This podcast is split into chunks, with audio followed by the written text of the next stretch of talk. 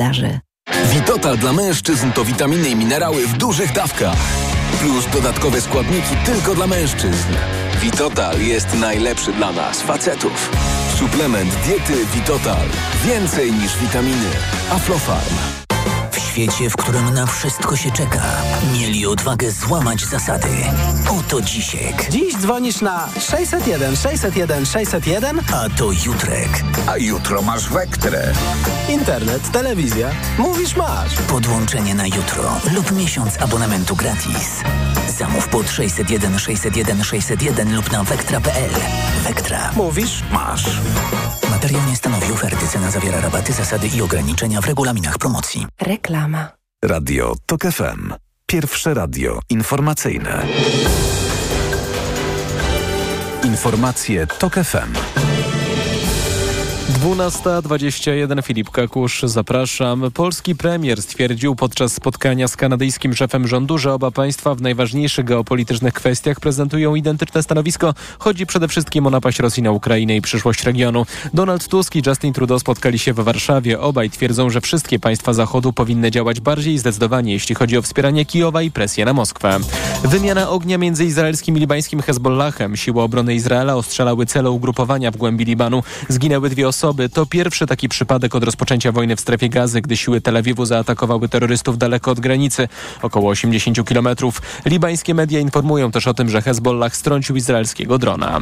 Amerykański prezydent Joe Biden spotka się jutro z czterema politycznymi liderami w kongresie. Rozmawiać ma z nimi przede wszystkim o kwestii pomocy Ukrainie, Izraelowi i Tajwanowi, która utknęła już kilka tygodni temu.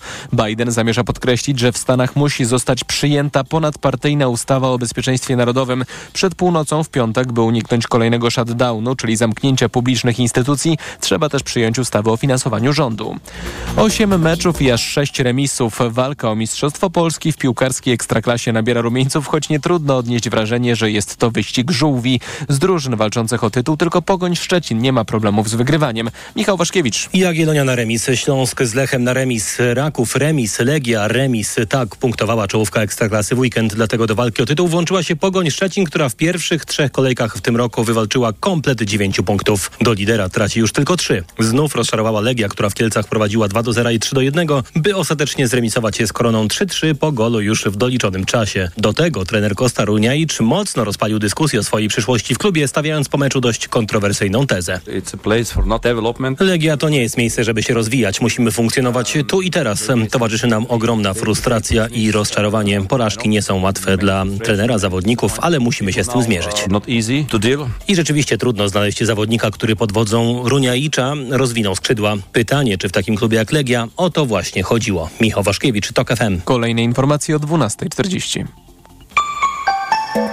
Pogoda. Termometry pokażą dziś od 9 stopni Celsjusza w Trójmieście, przez 12 w Łodzi i Warszawie do 15 w Krakowie. Raczej pogodnie, deszcz jedynie na wschodzie, miejscami mgły. Radio TOK FM. Pierwsze radio informacyjne. Popołudnie Radia TOK FM.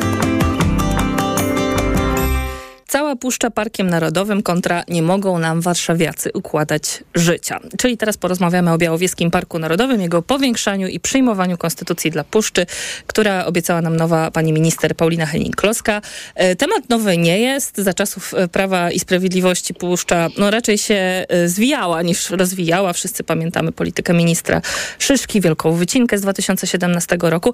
Teraz plany są inne, ale w kontrze do nich stają lokalni mieszkańcy. No i właśnie, mieszkańcy mieszkańcy, mieszkańcy czy leśnicy, mieszkańcy czy politycy. O to wszystko zapytam Paulinę Siegień, dziennikarkę krytyki politycznej, współautorkę podcastu Blok Wschodni i mieszkankę puszczańskiej gminy Dubicze Cerkiewne. Dzień dobry. Dzień dobry.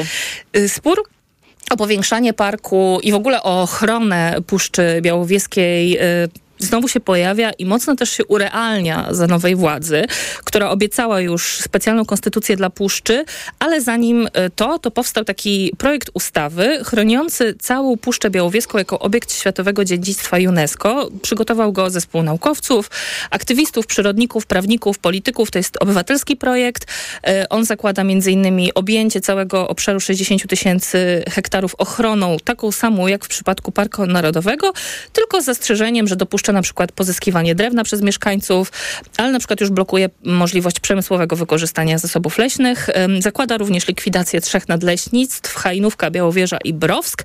No i ten projekt wzbudził niepokój u mieszkańców pani okolic. Była pani kilka dni temu na proteście pod urzędem miasta w Hajnówce i po nim napisała pani w swoich mediach społecznościowych, że ten protest to byli politycy Prawa i Sprawiedliwości, pojedynczy samorządowcy, kilkadziesiąt zebranych osób, którzy zebrali się, by zaprezentować stanowisko w sprawie Puszczy Białowieskiej, a faktycznie po to, żeby bronić wysokich zarobków leśników. I do tej pory tak uważam. Na tym proteście było kilkadziesiąt osób. E, takim headlinerem tego protestu był poseł Dariusz Piątkowski, e, człowiek, e, który w Hajnówce nie ma żadnych zasług, a znany Były jest pan minister tego, edukacji. że próbował, próbował wpłynąć na zmianę statutu Liceum Białoruskiego, które jest szkołą mniejszościową i próbował także pozbyć się dyrektora tej szkoły, próbował go e, stanowiska pozbawić, więc nie ma ten człowiek dobrej prasy w Hajnówce. E, obok niego stali też e, stały osoby związane z tak zwaną Narodową Hajnówką, czyli te osoby, które odpowiadają też ideologicznie za organizację słynnych marszy czczących e, żołnierzy wyklętych, w tym Romualda Rajsa Burego, znanego specyfikacji e, prawosławnych wiosek na Podlasiu. I tym bardziej szokujące też dla wielu mieszkańców było to, że tam razem w jednym rzędzie stanęła e, wójt gminy wiejskiej Lucyna Smoktunowicz. To do dzisiaj jest dla mnie zupełnie niezrozumiałe, bo jednak większość samorządowców, mimo też ich pewnych oporów co do zmian w sposobie zarządzania puszczą, zdecydowała się, że jednak w tym czasie powinna być na konkursie piosenki białoruskiej. Tam było dużo, dużo więcej mieszkańców Hajnówki i okolic niż na tym proteście, więc to po moim zdaniem to, co zobaczyłam na tym proteście, to jest jednak dosyć optymistyczny obrazek. Ale no może oni jakoś reprezentują jednak tych mieszkańców, bo w mediach, w internecie pojawiają się takie głosy, że mieszkańcy skarżą się, że o tym powiększaniu puszczy nikt z nimi nie rozmawia, a to przecież dzięki nim ta puszcza jest zachowana w takim dobrym stanie, że są jej strażnikami. E, no i też boją się tego, że jakiekolwiek rozszerzanie tej ochrony nad puszczą, jakiekolwiek ono by nie było, no to utrudni im, im życie, że utrudniona będzie działalność gospodarcza, boją się wywłaszczeń. Tak, to, to, to, trzeba byłoby po kolei tutaj rozbrajać te wszystkie punkty. Po pierwsze, pojawił się projekt ustawy, tylko projekt. To nie jest e, projekt, który już w tej chwili wchodzi do Sejmu, będzie głosowany, zatwierdzany i, i, i, będzie wchodzić w życie. Właściwie dopiero się rozpoczną nad nim prace i konsultacje, więc ja tą taką postawę wzbudzania tutaj bardzo dużego strachu na temat skutków tego projektu oceniam jako po prostu sposób na bojkot jakiejkolwiek dyskusji na temat przyszłości regionu. E, regionu, który ma potworne problemy społeczno-ekonomiczne, jest e, najszybciej wyludniającym się regionem w Polsce, e, w bardzo głębokim kryzysie demograficzny. Ten trend jest bardzo trudno już w tej chwili odwrócić.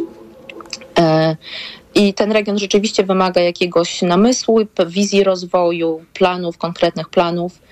Niestety my tutaj takich planów jako mieszkańcy od naszych też rządzących tutaj samorządowców nie otrzymujemy. Czyli jest opowieść o tym, że umacnianie ochrony to jest, y, równa się straty dla ludności, ale nie ma kontropowieści, nie wiem, na przykład o jakichś pieniądzach, które popłyną dzięki turystyce czy dofinansowaniu w przypadku większej ochrony czy rozszerzeniu parku.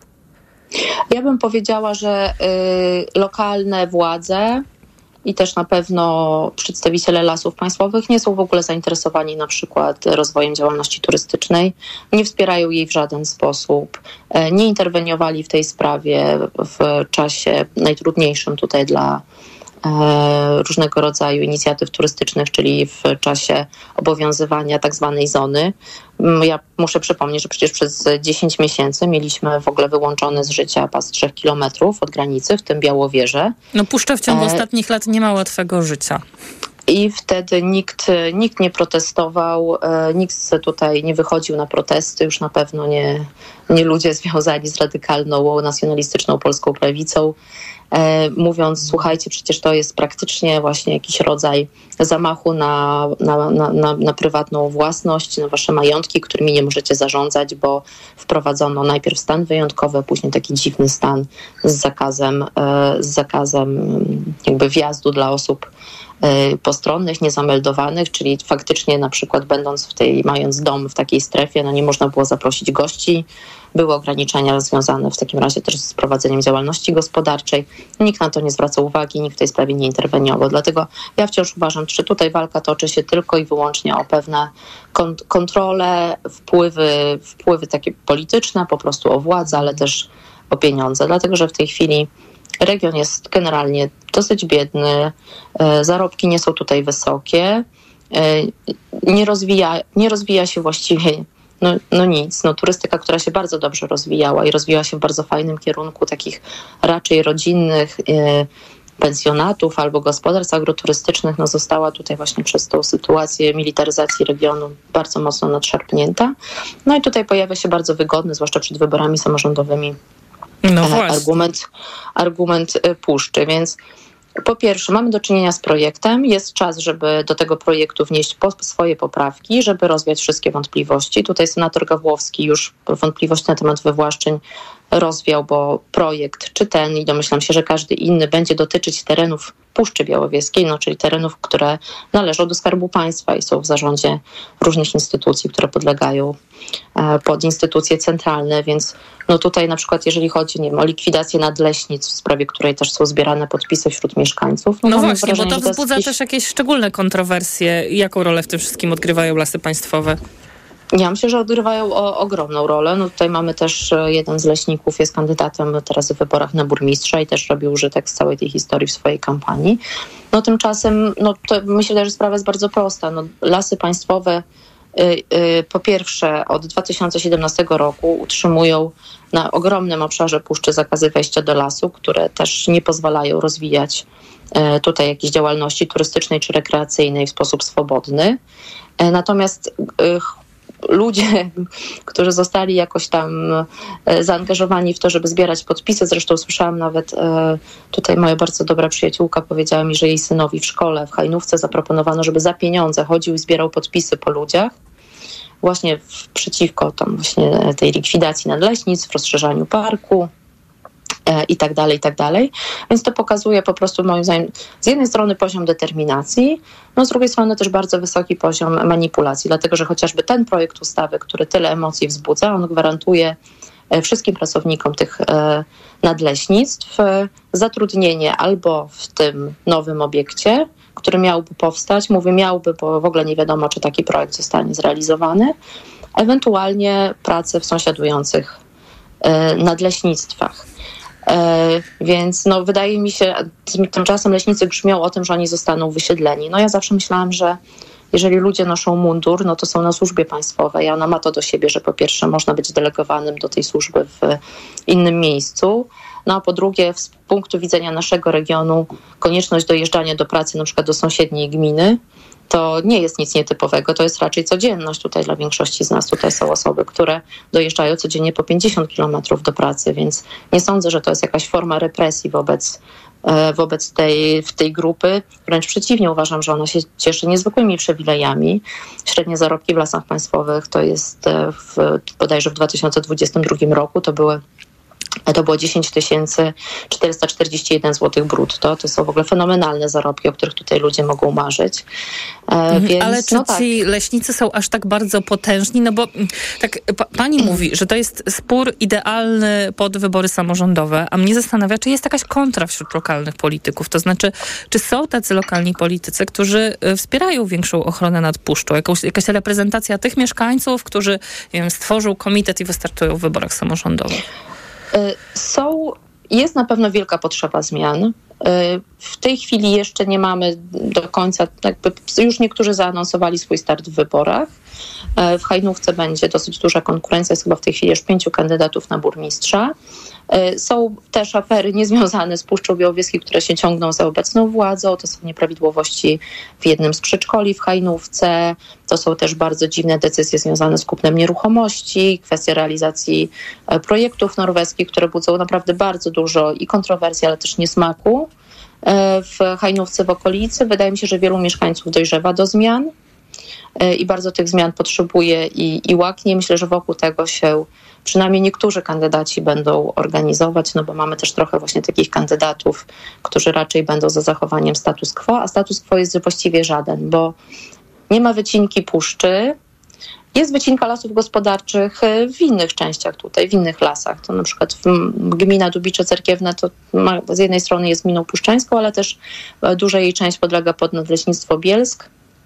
E, I tutaj akurat jest prowadzona bardzo intensywna gospodarka, e, gospodarka leśna, co no też wśród mieszkańców też wywołuje opory, co ciekawe. A czy pani mogłaby tak narysować, tylko króciutko, bo kończy nam się czas, e, tą linię podziałów, która przebiega pomiędzy mieszkańcami w pani regionie? Czy to jest właśnie linia, na, która przebiega gdzieś pomiędzy wyborcami opozycji a, a rządzącej koalicji? Czy to jest linia, która przebiega pomiędzy tak zwanymi mieszkańcami napływowymi, nowymi, którzy przyjechali do Puszczy rozpocząć nowe życie, a tymi, którzy są tam od wielu, wielu lat. Czy w ogóle da się to jakoś tak um, włożyć w te, e, w te szuflady?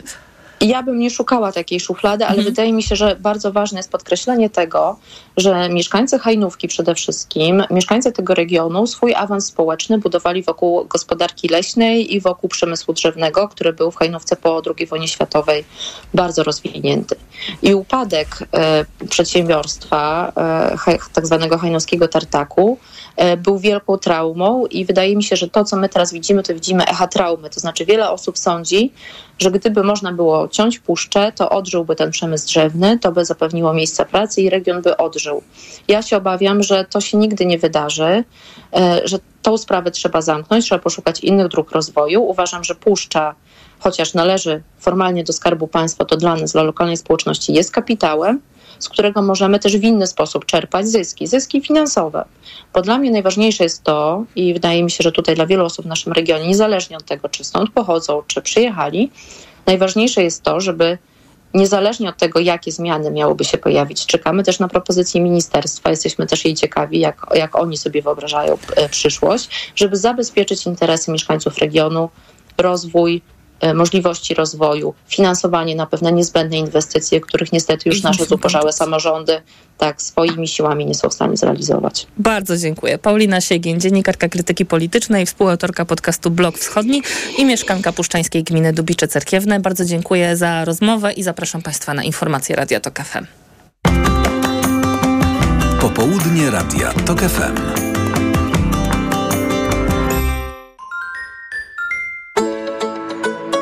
Głosy Radia TOK FM po godzinach. Powrót do przeszłości Karoliny Lewickiej. Słuchaj dziś po godzinie 22.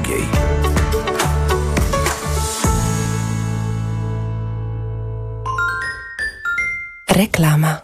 Wchodzę na wagę i znowu przytyłam. I te napady głodu. Tak, Aniu. I chęć na batonika, i potem spadek energii, i senność. Skąd wiesz? Już to przerabiałam. Okazało się, że miałam wahania poziomu cukru we krwi. Mnie pomógł trisulin. Suplement diety Trisulin to aż trzy ekstrakty roślinne dla wsparcia prawidłowego metabolizmu glukozy. Trisulin to połączenie morwy, kozieradki oraz górmaru, który dodatkowo kontroluje wagę, zmniejszając apetyt na słodycze. Trisulin i cukier w normie. Zdrowit. Biedronka najpopularniejszym sklepem spożywczym w Polsce. Według rankingu popularności sieci handlowych 2024 aplikacji Listonik Biedronka jest numerem jeden wśród sklepów spożywczych w 2023 roku. Jesteśmy dumni, że tego wyboru codziennie dokonują Polacy, świadomi i wybierający najlepsze ceny konsumenci w Europie. Tak, Biedronka najpopularniejszym sklepem spożywczym w 2023 roku. I to dobry powód, by iść do Biedronki. Nowe wysokie obcasy ekstra. Magdalena Różczka. Dbanie o bliskich daje mi siłę. Temat numeru. Dlaczego odkładamy rzeczy na później? Nowe wysokie obcasy ekstra z prezentem. Kwasowym peelingiem do stóp w kremie Nivelacjone. Już w sprzedaży. Stosujesz kapsułki wspierające zdrowie wątroby? Wypróbuj nowość. Esselif 600. Dlaczego? Esselif 600 to aż 600 mg fosfolipidum essentiale z nasion soi w jednej kapsułce. Suplement diety Esselif 600 stosuje się raz dziennie, a opakowanie wystarcza na 50 dni. Zapytaj w aptece o Esselif 600, a cena na pewno pozytywnie Cię zaskoczy. Esselif 600. Zdrowie dla wątroby, korzyść dla portfela. Wyciąg z ostryżu długiego wspiera zachowanie zdrowej wątroby. Aflofarm. Czas na misję Wielkie Pranie. Teraz w Carrefourze wszystkie produkty do prania Cocolino Care aż 50% taniej. Oferta ważna do 2 marca. Carrefour. Tańsze wyjście na zakupy. Halo, e, cześć Magda. Słuchaj, bo ja, ja chciałem cię o coś zapytać. Czy, czy ty będziesz ze mną chodzić? No, do Aldi na zakupy w super niskich cenach, tak? Ja, ja, ja ci tam wszystko kupię, no, no ho. Do soboty pomarańcze. Najniższa cena sprzed pierwszej obniżki 6,99. Teraz aż 45% taniej. Tylko 3,79 za kilogram. A pyszne awokado jedynie 3,99 za sztukę. Raz Aldi, zawsze coś z Aldi. Gdzie najlepiej zaprojektować kuchnię? W Castoramie, bo tu zamówisz ją od razu z montażem i zwrotem aż 15% na kartę podarunkową za zakup kuchni z wyposażeniem. O minimalnej wartości 4000 zł. Tylko do 27 lutego. Szczegóły i regulamin akcji w sklepach i na castorama.pl. O, Essentiale Max. Jakieś noworoczne postanowienie? Tak, postanowiłem regenerować swoją wątrobę z Essentiale Max. To najwyższa dawka fosfolipidów, aż 600 mg w jednej kapsułce. I to lek, nie suplement. Brawo! To będzie na maksa spełnione postanowienie. Lek Essentiale Max. Najwyższa dawka fosfolipidów w jednej kapsułce. Działa dla szybszej regeneracji wątroby. Essentiale Max. Kapsułki twarde 600 mg fosfolipidów z nasion sojowych. Wskazania. Roślinny lek stosowany w chorobach wątroby. Zmniejsza dolegliwości jak brak apetytu, uczucie ucisku w prawym nadbrzuszu spowodowane uszkodzeniem wątroby w wyniku nieprawidłowej diety, działanie substancji toksycznych lub zapalenia wątroby. Opella Healthcare Poland Grupa Sanofi. To jest lek. Dla bezpieczeństwa stosuj go zgodnie z ulotką dołączoną do opakowania. Nie przekraczaj maksymalnej dawki leku. W przypadku wątpliwości skonsultuj się z lekarzem lub farmaceutą. Makro świętuje urodziny. Przez 30 lat zmieniło się wszystko. Wygoda dostaw, aplikacja i wsparcie marketingowe. No prawie wszystko, bo super jakość produktów i profesjonalna obsługa biznesu są niezmienne. Makro. Razem od 30 lat. Reklama. Radio TOK FM. Pierwsze radio informacyjne. Informacje TOK FM. 12.41 Filip Kakusz, zapraszam. Policja w Brukseli szacuje, że do miasta wjechało około 900 traktorów. Blokują teraz ulice, głównie w dzielnicy europejskiej, protestując przeciwko unijnej polityce rolnej. Część demonstrantów przy dźwiękach klaksonów rzuca w policję petardami, jajkami, a nawet pomarańczami. Pada deszcz, co uniemożliwia podpalanie kolejnych stosów opon i sterc słomy, które rolnicy przywieźli na protest. W mieście słychać policyjne syreny. Dziś spotykają się ministrowie rolnictwa krajów członkowskich Unii Europejskiej. Kolejny polityczny proces zapowiada się w Rosji. Prokuratura żąda prawie trzech lat dla Olega Orłowa. 70-letni dysydent i działacz Stowarzyszenia Memoriał jest oskarżony o dyskredytację armii. Orłow w mediach społecznościowych krytykował inwazję na Ukrainę. Działacz był współzałożycielem Memoriału, który jest jedną z najstarszych i najbardziej zasłużonych rosyjskich organizacji pozarządowych. Słuchasz informacji TOK FM. Zakończyły się poszukiwania 13-letniego Mateusza z Mikołowa. Chłopak zaginął po południu, odnalazł się, jest cały i zdrowy. W ostatnich godzinach zdjęcie nastolatka zostało opublikowane na policyjnych stronach. Mundurowi mieli go odnaleźć dzięki pracy operacyjnej, ale dziękują za udostępnienie informacji o poszukiwaniach i wszystkie sygnały. Kandydujący na prezydenta Bydgoszczy Rafał Bruski z Platformy Obywatelskiej przedstawi swoje pierwsze obietnice wyborcze. Urzędujący prezydent walczący o czwartą kadencję stawia na konsultacje społeczne z mieszkańcami. Chciałbym w tych najbliższych latach zdecydowanie wzmocnić bydgoski budżet obywatelski, który dzisiaj jest obligatoryjnym budżetem w miastach tej wielkości, ale my Bydgoszczy jako chyba trzecie czy czwarte miasto w Polsce wdrożyliśmy ten system decydowania o tych mniejszych inwestycjach właśnie przez mieszkańców bezpośrednio, zanim to było jeszcze rozwiązanie obligatoryjne. Prezydent Bydgoszczy ma na razie jednego kontrkandydata, posła Prawa i Sprawiedliwości Łukasza Schreibera. Pogoda. Popołudnie raczej ciepło i słoneczne, ale w nocy pokropić może już w północnej części kraju. Temperatury spadną do 3-6 stopni. Jutro pochmurno na krańcach północnych i zachodnich, tam też chłodniej od 6 do 10. W centrum 14-15 stopni, na Lubelszczyźnie do 16. Radio TOK FM. Pierwsze radio informacyjne. Popołudnie Radia TOK FM. 12.43 przy mikrofonie Anna Piekutowska, to jest popołudnie Radia TOK FM. Profesor Michał Węzel z Uniwersytetu SWPS jest teraz moim gościem. Dzień dobry. Dzień dobry Pani, dzień dobry Państwu. Minister rolnictwa poleciał na posiedzenie Rady Europejskiej i mówi, że będzie postulował ograniczenie Zielonego Ładu. Jutro jest zapowiadany marsz gwiaździsty na Warszawę, całkowita blokada stolicy. Blokady na granicach nadal trwają od wczoraj również na przejściu z Niemcami, a media obiegają kolejne informacje dotyczące incydentów wysypywania zboża na torach, które ma pochodzić z Ukrainy, to ten protest rolniczy eskaluje. Szczególnie to widać dzisiaj w Brukseli, gdzie płoną opony i różne e, przedmioty, tak jak Państwo słyszeli zresztą w serwisie e, informacyjnym Radio Tok FM, e, latają w powietrzu. A z drugiej strony, no, przynajmniej nad tym polskim też protestem wisi jednak jakaś groźba zastoju, przyzwyczajenia się do niego. Jak pan w ogóle opisał ten etap?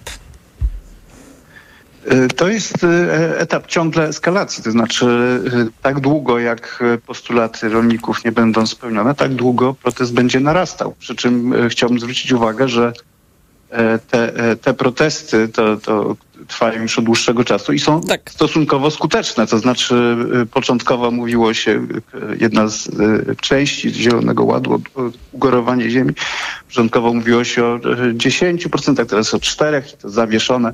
A więc te, te protesty są, są skuteczne też w tym sensie, że temat wchodzi na agendę, temat jest dyskutowany i już nie jest tak jak wcześniej, że te decyzje były przez komisję podejmowane poza y, interesariuszami albo, albo, z udziałem tylko, tylko niektórych interesariuszy. Teraz y, rolnicy z Unii Europejskiej, z całej Unii Europejskiej są już w ten, w ten proces y, zaangażowani i co ważniejsze, media nie przedstawiają już tak tych, tych protestów jednostronnie, nie, nie demonizują uczestników bezrefleksyjny sposób, tak jak to jeszcze, jeszcze niedawno miało miejsce, a więc zarówno w kwestii takich e, rzeczywistych rozwiązań politycznych, jak i w, kwestii wizerunku widać sukcesy, no ale tak długo jak nie, nie, nie, nie zmieni się jakaś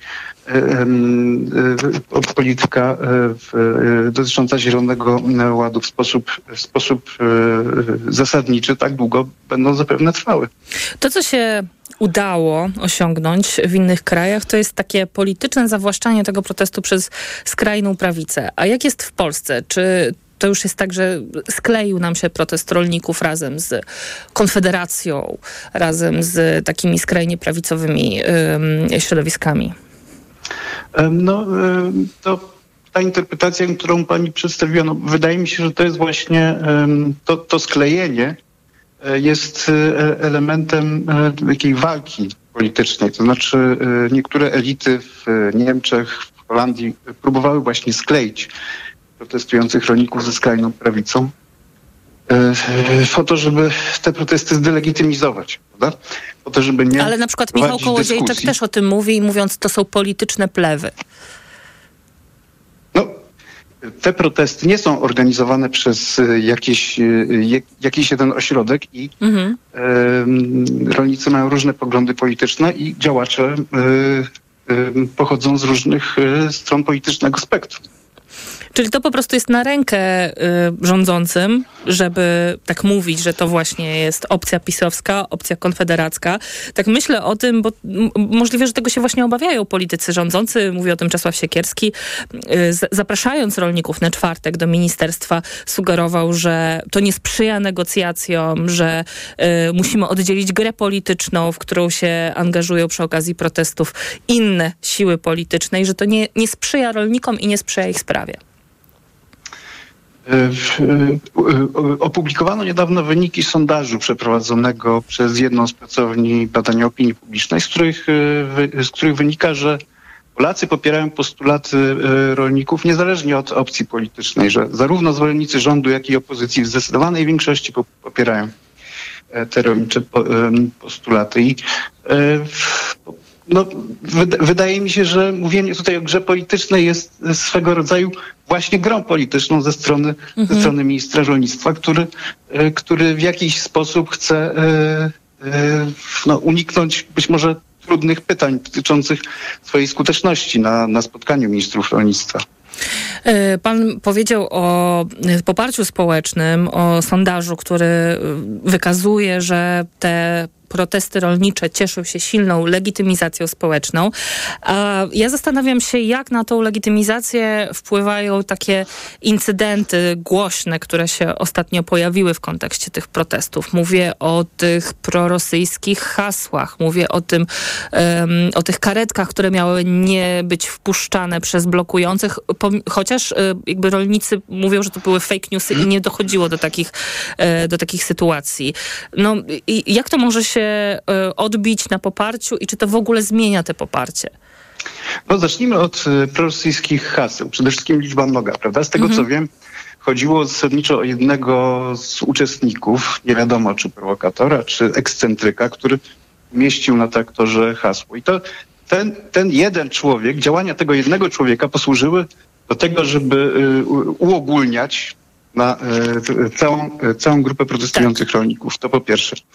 Po, y, po drugie, zastanawiam się, mm, minister Kierwiński zainteresował się tym incydentem i prokuratura ponoć przygotowuje jakiś akt oskarżenia. Nie, nie wiem dlaczego. To znaczy z paragrafu o podburzanie do waśni narodowościowych, wydaje mi się, że prokurator będzie miał trudne zadanie, udowodniając, że, e, że e, mamy tutaj miejsce z jakimś podburzaniem do waśni narodowościowych czy propagowaniem ustroju totalitarnego. Ja to, ja to rozumiem, że to oczywiście jest incydent i trochę jest taka logika mediów społecznościowych, że on zostaje e, wyniesiony do, nie wiem, rangi jakiegoś symbolu tych, tych, e, tych protestów i nawet jeśli to jest e, fałszywy symbol, tylko że no, bardziej pana pytam o to, jakie to emocje wzbudza w społeczeństwie i czy to jest w stanie w ogóle na przykład odwrócić jakoś te emocje dotyczące protestów rolniczych. No bo też jednak ta opowieść o Ukrainie, która też jest przez stronę ukraińską y, opowiadana, to znaczy oni na przykład bardzo mocno protestują i pokazują te zdjęcia z wysypywanym zbożem, że mówią, że to jest skandal, mówią, że nie można na to pozwolić, że polskie państwo na to po, nie, nie pozwala, no to też gdzieś tam te emocje przekierowuje. No, jakby y, odpowiedź y, y, sama, sama pani ją przekazała. Znaczy emocje są po stronie rolników i z innych sondaży wynika, że społeczeństwo oczekuje, że w tej akurat sprawie państwo polskie będzie przestrzegać interesów polskich producentów żywności i no, należy oddzielić te kwestie od pomocy wojskowej czy też innej pomocy gospodarczej udzielanej e, e, walczącej Ukrainie. Z drugiej strony Donald Tusk odpowiada na zaproszenie Wołodymyra Załańskiego na granicę. Mówi, że Wołodymyr Załański chciał spotkać się przed weekendem z Donaldem Tuskiem na polsko-ukraińskiej granicy. Donald Tusk mówi, że będzie to możliwe dopiero y, za miesiąc. Y, no to jest takie trudne ćwiczenie na cierpliwość dla obu stron granicy, ale też dla rolników, którzy oczekują jakiegoś rozwiązania sytuacji i z Ukrainą. E, Michał Kołodziejczak mówił um, wielokrotnie o tym, E, kim są ci ukraińscy rolnicy, którzy eksportują e, e, produkty rolne, przede wszystkim zboże do Polski? Są to w większości bardzo duże koncerny. Niekoniecznie własnością w Ukrainie, z własnością w Ukrainie. Albo z własnością, jedna z giełdowych spółek obecna na giełdzie papierów wartościowych w Warszawie jest zarejestrowana w Luksemburgu. Własnością jest firmy cypryjskiej, E, której z kolei właścicielem jest jeden z ukraińskich oligarchów. No więc e, jakby to można e, to tak ująć, korzyści na Ukrainie z tego eksportu też nie są równo rozłożone i niekoniecznie, niekoniecznie społeczeństwo ukraińskie ogół tych korzyści czerpie. To na koniec jeszcze chciałam pana zapytać, co można zrobić, żeby te protesty zatrzymać? Pytam pana o taki socjologiczny wymiar bardziej, bo są ustępstwa, które zaczęły obowiązywać. Jest ta rezygnacja z ugorowania, o której pan na początku wspomniał, y, regulacje nanoszone na niektóre z ukraińskich płodów, no to wszystko wydaje się nie wystarczyć. Czy to już się zrobiła taka walka o wszystko albo nic, czyli całkowite wycofanie się z Zielonego Ładu chociażby, czy, czy, nie, czy nie, nie wszystko albo nic. Nie, chodzi po prostu o to, żeby rolnicy byli partnerem w opracowywaniu e, polityk e, na poziomie unijnym przede wszystkim, które ich dotyczą. Prawda? To są e, Rolnicy protestują w taki sposób, jak protestują, nie mogą w inny sposób, nie mogą zastrajkować, bo działają na własny rachunek, zbankrutowaliby. To nie są, nie jest fabryka, którą jeżeli robotnicy zastrajkują, to właściciel fabryki ponosi ponosi koszty udziałowcy. Rolnicy pracują na własny rachunek. Gdyby zastrajkowali, to by zbankrutowali. Więc blokują drogi, bo nic w żaden inny sposób nie mogą protestować. A jak pan ocenia motywację i dalsze kroki? Bo też często słychać takie hasła, że a wy teraz będziecie, idzie wiosna, będziecie musieli pójść w pole i skończą się protesty.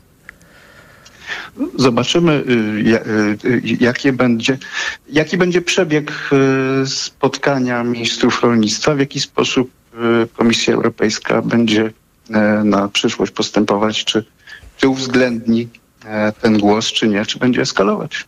Jeżeli, jeżeli do porozumienia nie dojdzie, no to sytuacja będzie się zaostrzała oczywiście. Dziś minister rolnictwa Czesław Siekierski bierze udział w spotkaniu ministrów do spraw rolnictwa państw Unii Europejskiej w Brukseli. Tam się będzie domagał ustępstw, między innymi do rozwiązań dotyczących stosowania pestycydów czy ugorowania pól. W czwartek, tak jak pan powiedział profesor, spotkanie w ministerstwie, w polskim ministerstwie razem z przedstawicielami e, środowisk rolniczych. Będziemy to oczywiście dla państwa relacjonować. Ja bardzo dziękuję mojemu gościowi, profesor Michał Węzel, socjolog Uniwersytetu SWPS był moim państwa Państwa gościem. Dziękuję bardzo. I to wszystko, co dla Państwa dzisiaj przygotowaliśmy w popołudniu Radia Tok FM. Y, program wydawali Tomasz Kopka i Jakub Sabadyn. Realizował Szymon Baluta. Za chwilę informacje Radia Tok FM, a po nich program Połączenie, na który zaprasza Jakub Janiszewski. Ja się nazywam Anna Piekutowska. Do jutra. Popołudnie Radia Tok FM.